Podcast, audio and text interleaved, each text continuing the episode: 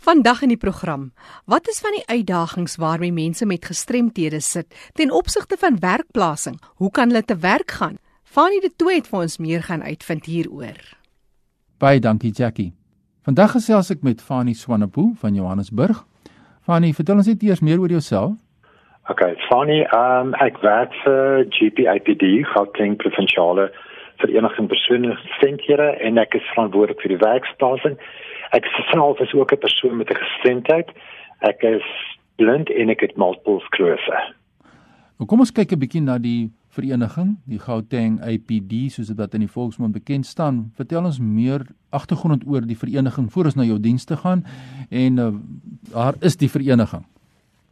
Okay, funny um GPIPD is in 2008 gestig en dit is die oorlopende liggaam vir 27 ontwikkelende en 11 nie-ontwikkelde lidorganisasies. Ons provinsiale kantoor is geleë in Fortsburg, Johannesburg, maar ons het takke kantore in Soweto, Tembisa, Tshwane, Benoni, Orange Farm en Enedal.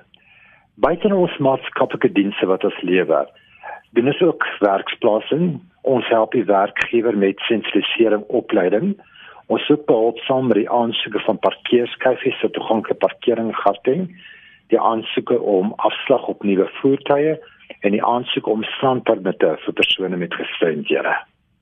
Nou ja, jy moet 'n pen en papier byderhand hou want aan die einde van hierdie gesprek gaan ek vir Annie se kontakbesonderhede deurgee want soos ons nou kan hoor, wye ervaring wat hierdie vereniging daar het, wye sake, ons gaan die kontakbesonderhede deurgee. Fanny, jou portfolio, as ek dit so kan stel.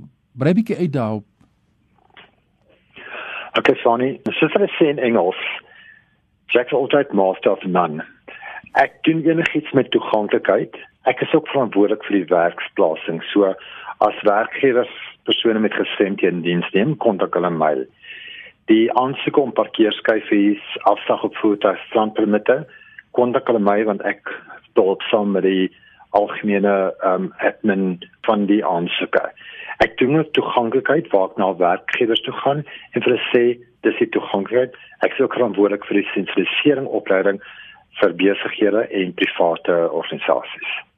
Ja, ek stel persoonlik baie belang in daardie opleidinge wat jy gee om daardie sensitiwiteit te skep om mense te verstaan, die uitdagings van persone met gestremdhede beter te verstaan natuurlik en dan natuurlik ook verskillende forme van verlies en gestremdheid te kan verstaan.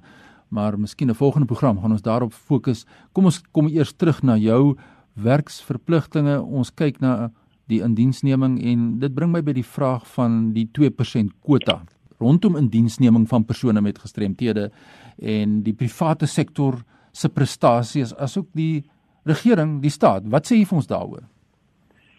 Funny, Daar is van die private organisasies wat wel die 2% kwota ehm um, beheer wat dit doen, maar daar's ook baie private organisasies, ook die regeringsorganisasies, departemente wat nie die 2% kwota vir 'n diensneming van persone met gestremdhede handhaaf nie. Die maatskappy begin nou 'n bietjie wakker skrik en besef, "Wow, maar ons het nog nie ons 2% kwota bereik nie." En dan begin hulle ons kontak en wil onmiddellik kandidaate hê van die staatsdepartement het al reguit vir my gesê hulle het nog nie hulle 2% kwota bereik nie. As jy mens kyk in die praktyk van nie na riglyne wat daar bestaan of nie bestaan nie vir werkgewers en werknemers in die werkplek, die sogenaamde policies, die riglyne. Ons weet nou dat die wetskrif onderteken is deur die kabinet, die wetskrif oor die regte van persone met gestremdhede in 2015 op 9 Desember deur die kabinet. Hoe voel jy as 'n mens met 'n gestremdheid self en ook as iemand wat nou so groot bydrae lewer oor is daar genoeg instrumente beskikbaar in die werk vir die werkgewer en die werknemer? Fonne, ek gaan 'n paar noem, dan gaan ek terugkom na jou vraag wat jy nou gevra het. Ons het van die beste policies as ek dit so kan noem, um in Suid-Afrika.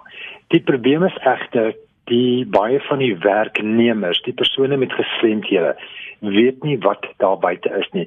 Hulle weet nie watter regte hulle het nie. En baie keer gebeur dit dat die werkgewer die werknemer soort van ehm um, intimideer want hulle besef die persoon met 'n gestremdheid weet nie wat hulle regte is nie. Ek gaan 'n paar van die dokumentasie noem wat ons het. The Constitution of South Africa, ons konstitusie bepaal sê dat alle mense moet gelyk behandel word, ondanks wat jou gestremdheid is, wat jou ras is, en is 'n baie goeie dokument, maar dit word nie baie gebruik deur persone met gestremdhede nie. Die ander dokumentasie is the white paper on integrated national disability strategy, the Employment Equity Act, the Code of Good Practice, and the Technical Assistance Guideline of the TAG. Van ek net terugkom na die Employment Equity Act.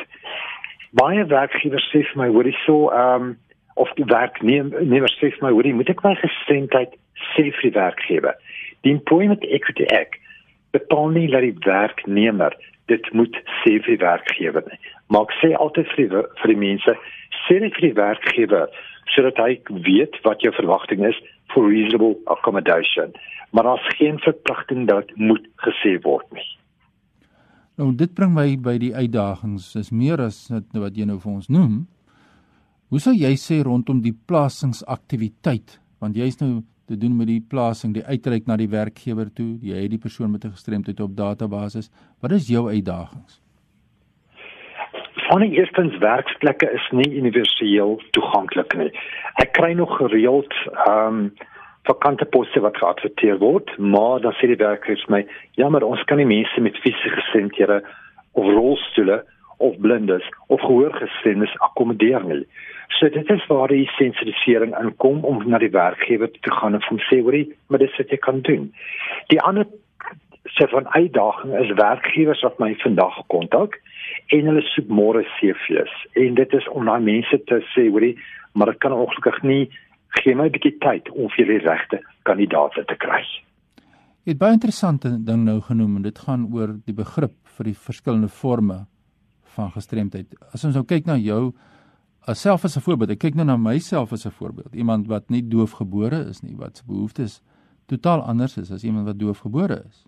En jy met sigverlies wat ook nie blindgebore is nie. Dink jy die sensitisering sessies help om daardie begrip want as 'n mens weet wat iemand se behoeftes is, dan kan 'n mens aanpas in die werk en dan maak werkplekke oop. Wat is jou gevoel? Wie jy van dit help. Die probleem is egter as ons uitgaan na maatskappye toe. Dit is jou ehm um, administratiewe personeel en HR wat hierdie goed bywoon baie van hulle senior personeel of die bestuur woon nie hierdie sensitiseringsopleidings by nie en ek voel ek moet daar begin dat daar so 'n van 'n mindshift is dat die mense weet um, wat se tipe gestremdhede daar is en hoe om dit almal te akkommodeer en dat almal kan 'n bydrae lewer in die werksplek. Ja, my ervaring is ook, jy weet, baie keer met die aanbied van hierdie sessies myself, dan sê die mense maar, jy weet jy praat met die verkeerde mense die topbestuur moet hier wees want dit is die ouens wat die besluit maak wat die beleid verander en dis meer so ek kan regtig waar saamstem met jou ons het baie werk nog en baie geleenthede natuurlik om wat ons kan gebruik in die toekoms in die jare wat kom. Hier's 'n luisteraarsvraag van nie oor julle as 'n nie regeringsorganisasie of 'n nuwensgewende organisasie lewer nou hierdie dienste. Is dit nodig om plasingsfooie en dis meer te vra van julle kant af en indien wel hoekom en wat vra julle byvoorbeeld om hierdie dienste kan lewer?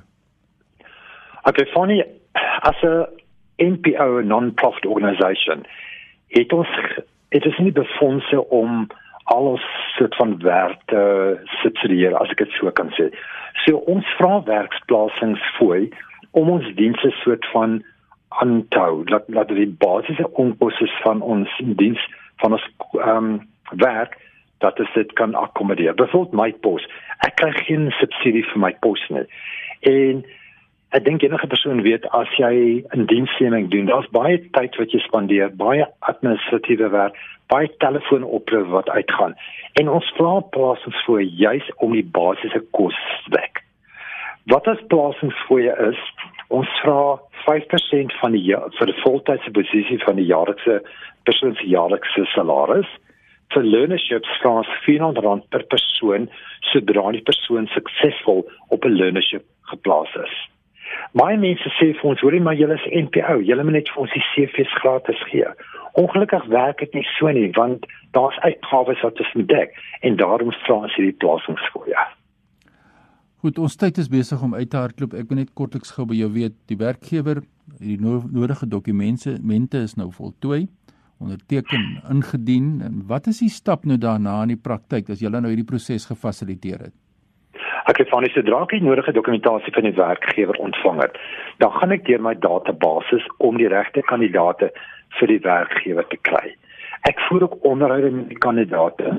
Ek ek ook die CV's oor want ongelukkig baie van die kandidaate stuur vir my CV's wat nie baie mooi lyk nie. So tikkie CV's oor en dan stuur ek dit na die werkgewer. Baie belangrik, ek gee nie die werknemer se kontakbesonderhede vir die werkgewer wanneer ek die CV's stuur nie.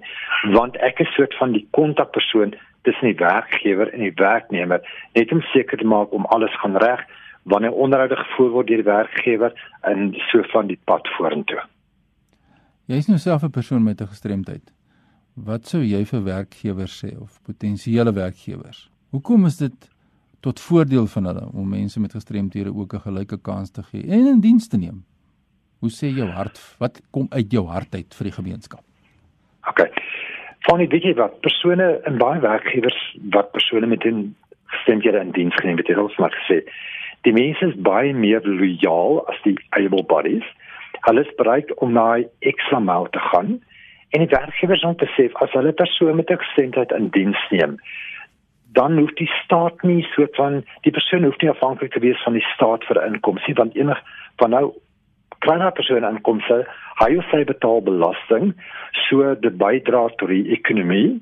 Die persoon gaan miskien by 'n mediese fonds aansluit so die staat hoef nie die persoon by ehm um, hospitale soort van vir die mediese dek nie.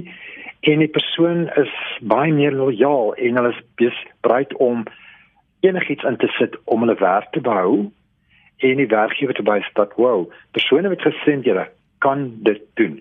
Gee ons net 'n kans. Ja, ons is nie anders nie. Ons doen net dinge soms 'n bietjie anders en want ons het spesifieke behoeftes en dit is die boodskap van Fanny Swanepoel. Hy is daar in Johannesburg van die vereniging vir persone met gestremthede. Fanie, baie dankie. Dit was insiggewend om met jou te gesels. As daar mense is wat wil inligting hê oor hierdie sake wat jy nou hier aangeraak het, waar kry hulle vir jou in die hande? Ek het Fanie, my selfoonnommer is 082 856 9859. My e-posadres is fanie.gpapd@telkomsa.net en my faksnommer is 0865 22841. Hier van sy ry telefoonnommer weer deur. 082 856 9859. Die kontakbesonderhede van Fanny Swanepoel. Kom na vore, deel met ons jou ervaring en uitdagings in die werkplek en die plasing van persone met gestremthede. Dit is baie interessant om te luister na mense wat 'n verskil maak elke dag. My e-posadres is fanny@roadtoindependence.com www.rsg.co.za. Besoek en like gerus ons Facebookblad, facebook.com vorentoe skynstreep your road to independence. En so gesels kollega Fanie de Tooi daar in die Kaap. Ek herhaal graag Fanie Swanepoel se kontakbesonderhede. Net weer sy selnommer 082 856 9859. Of het ook 'n e-posadres vir ons gelaat, fanie@gp apd by telkomsa.net. Ek herhaal fani.gpapd by telkomsa.net. Of dan die faksnommer wat hy vir ons gegee het 086 522 8471. Indien jy nie vinnig genoeg al die besonderhede kon neerskryf nie, gemaak 'n draai op ons webtuiste. Al die kontakbesonderhede is daar en jy kan ook weer gaan luister na ons insetsel van Leefwêreld van die Gestremde. Klik op potgooi en soek vir Leefwêreld van die Gestremde. Ek is Jackie January wat groet tot 'n volgende keer.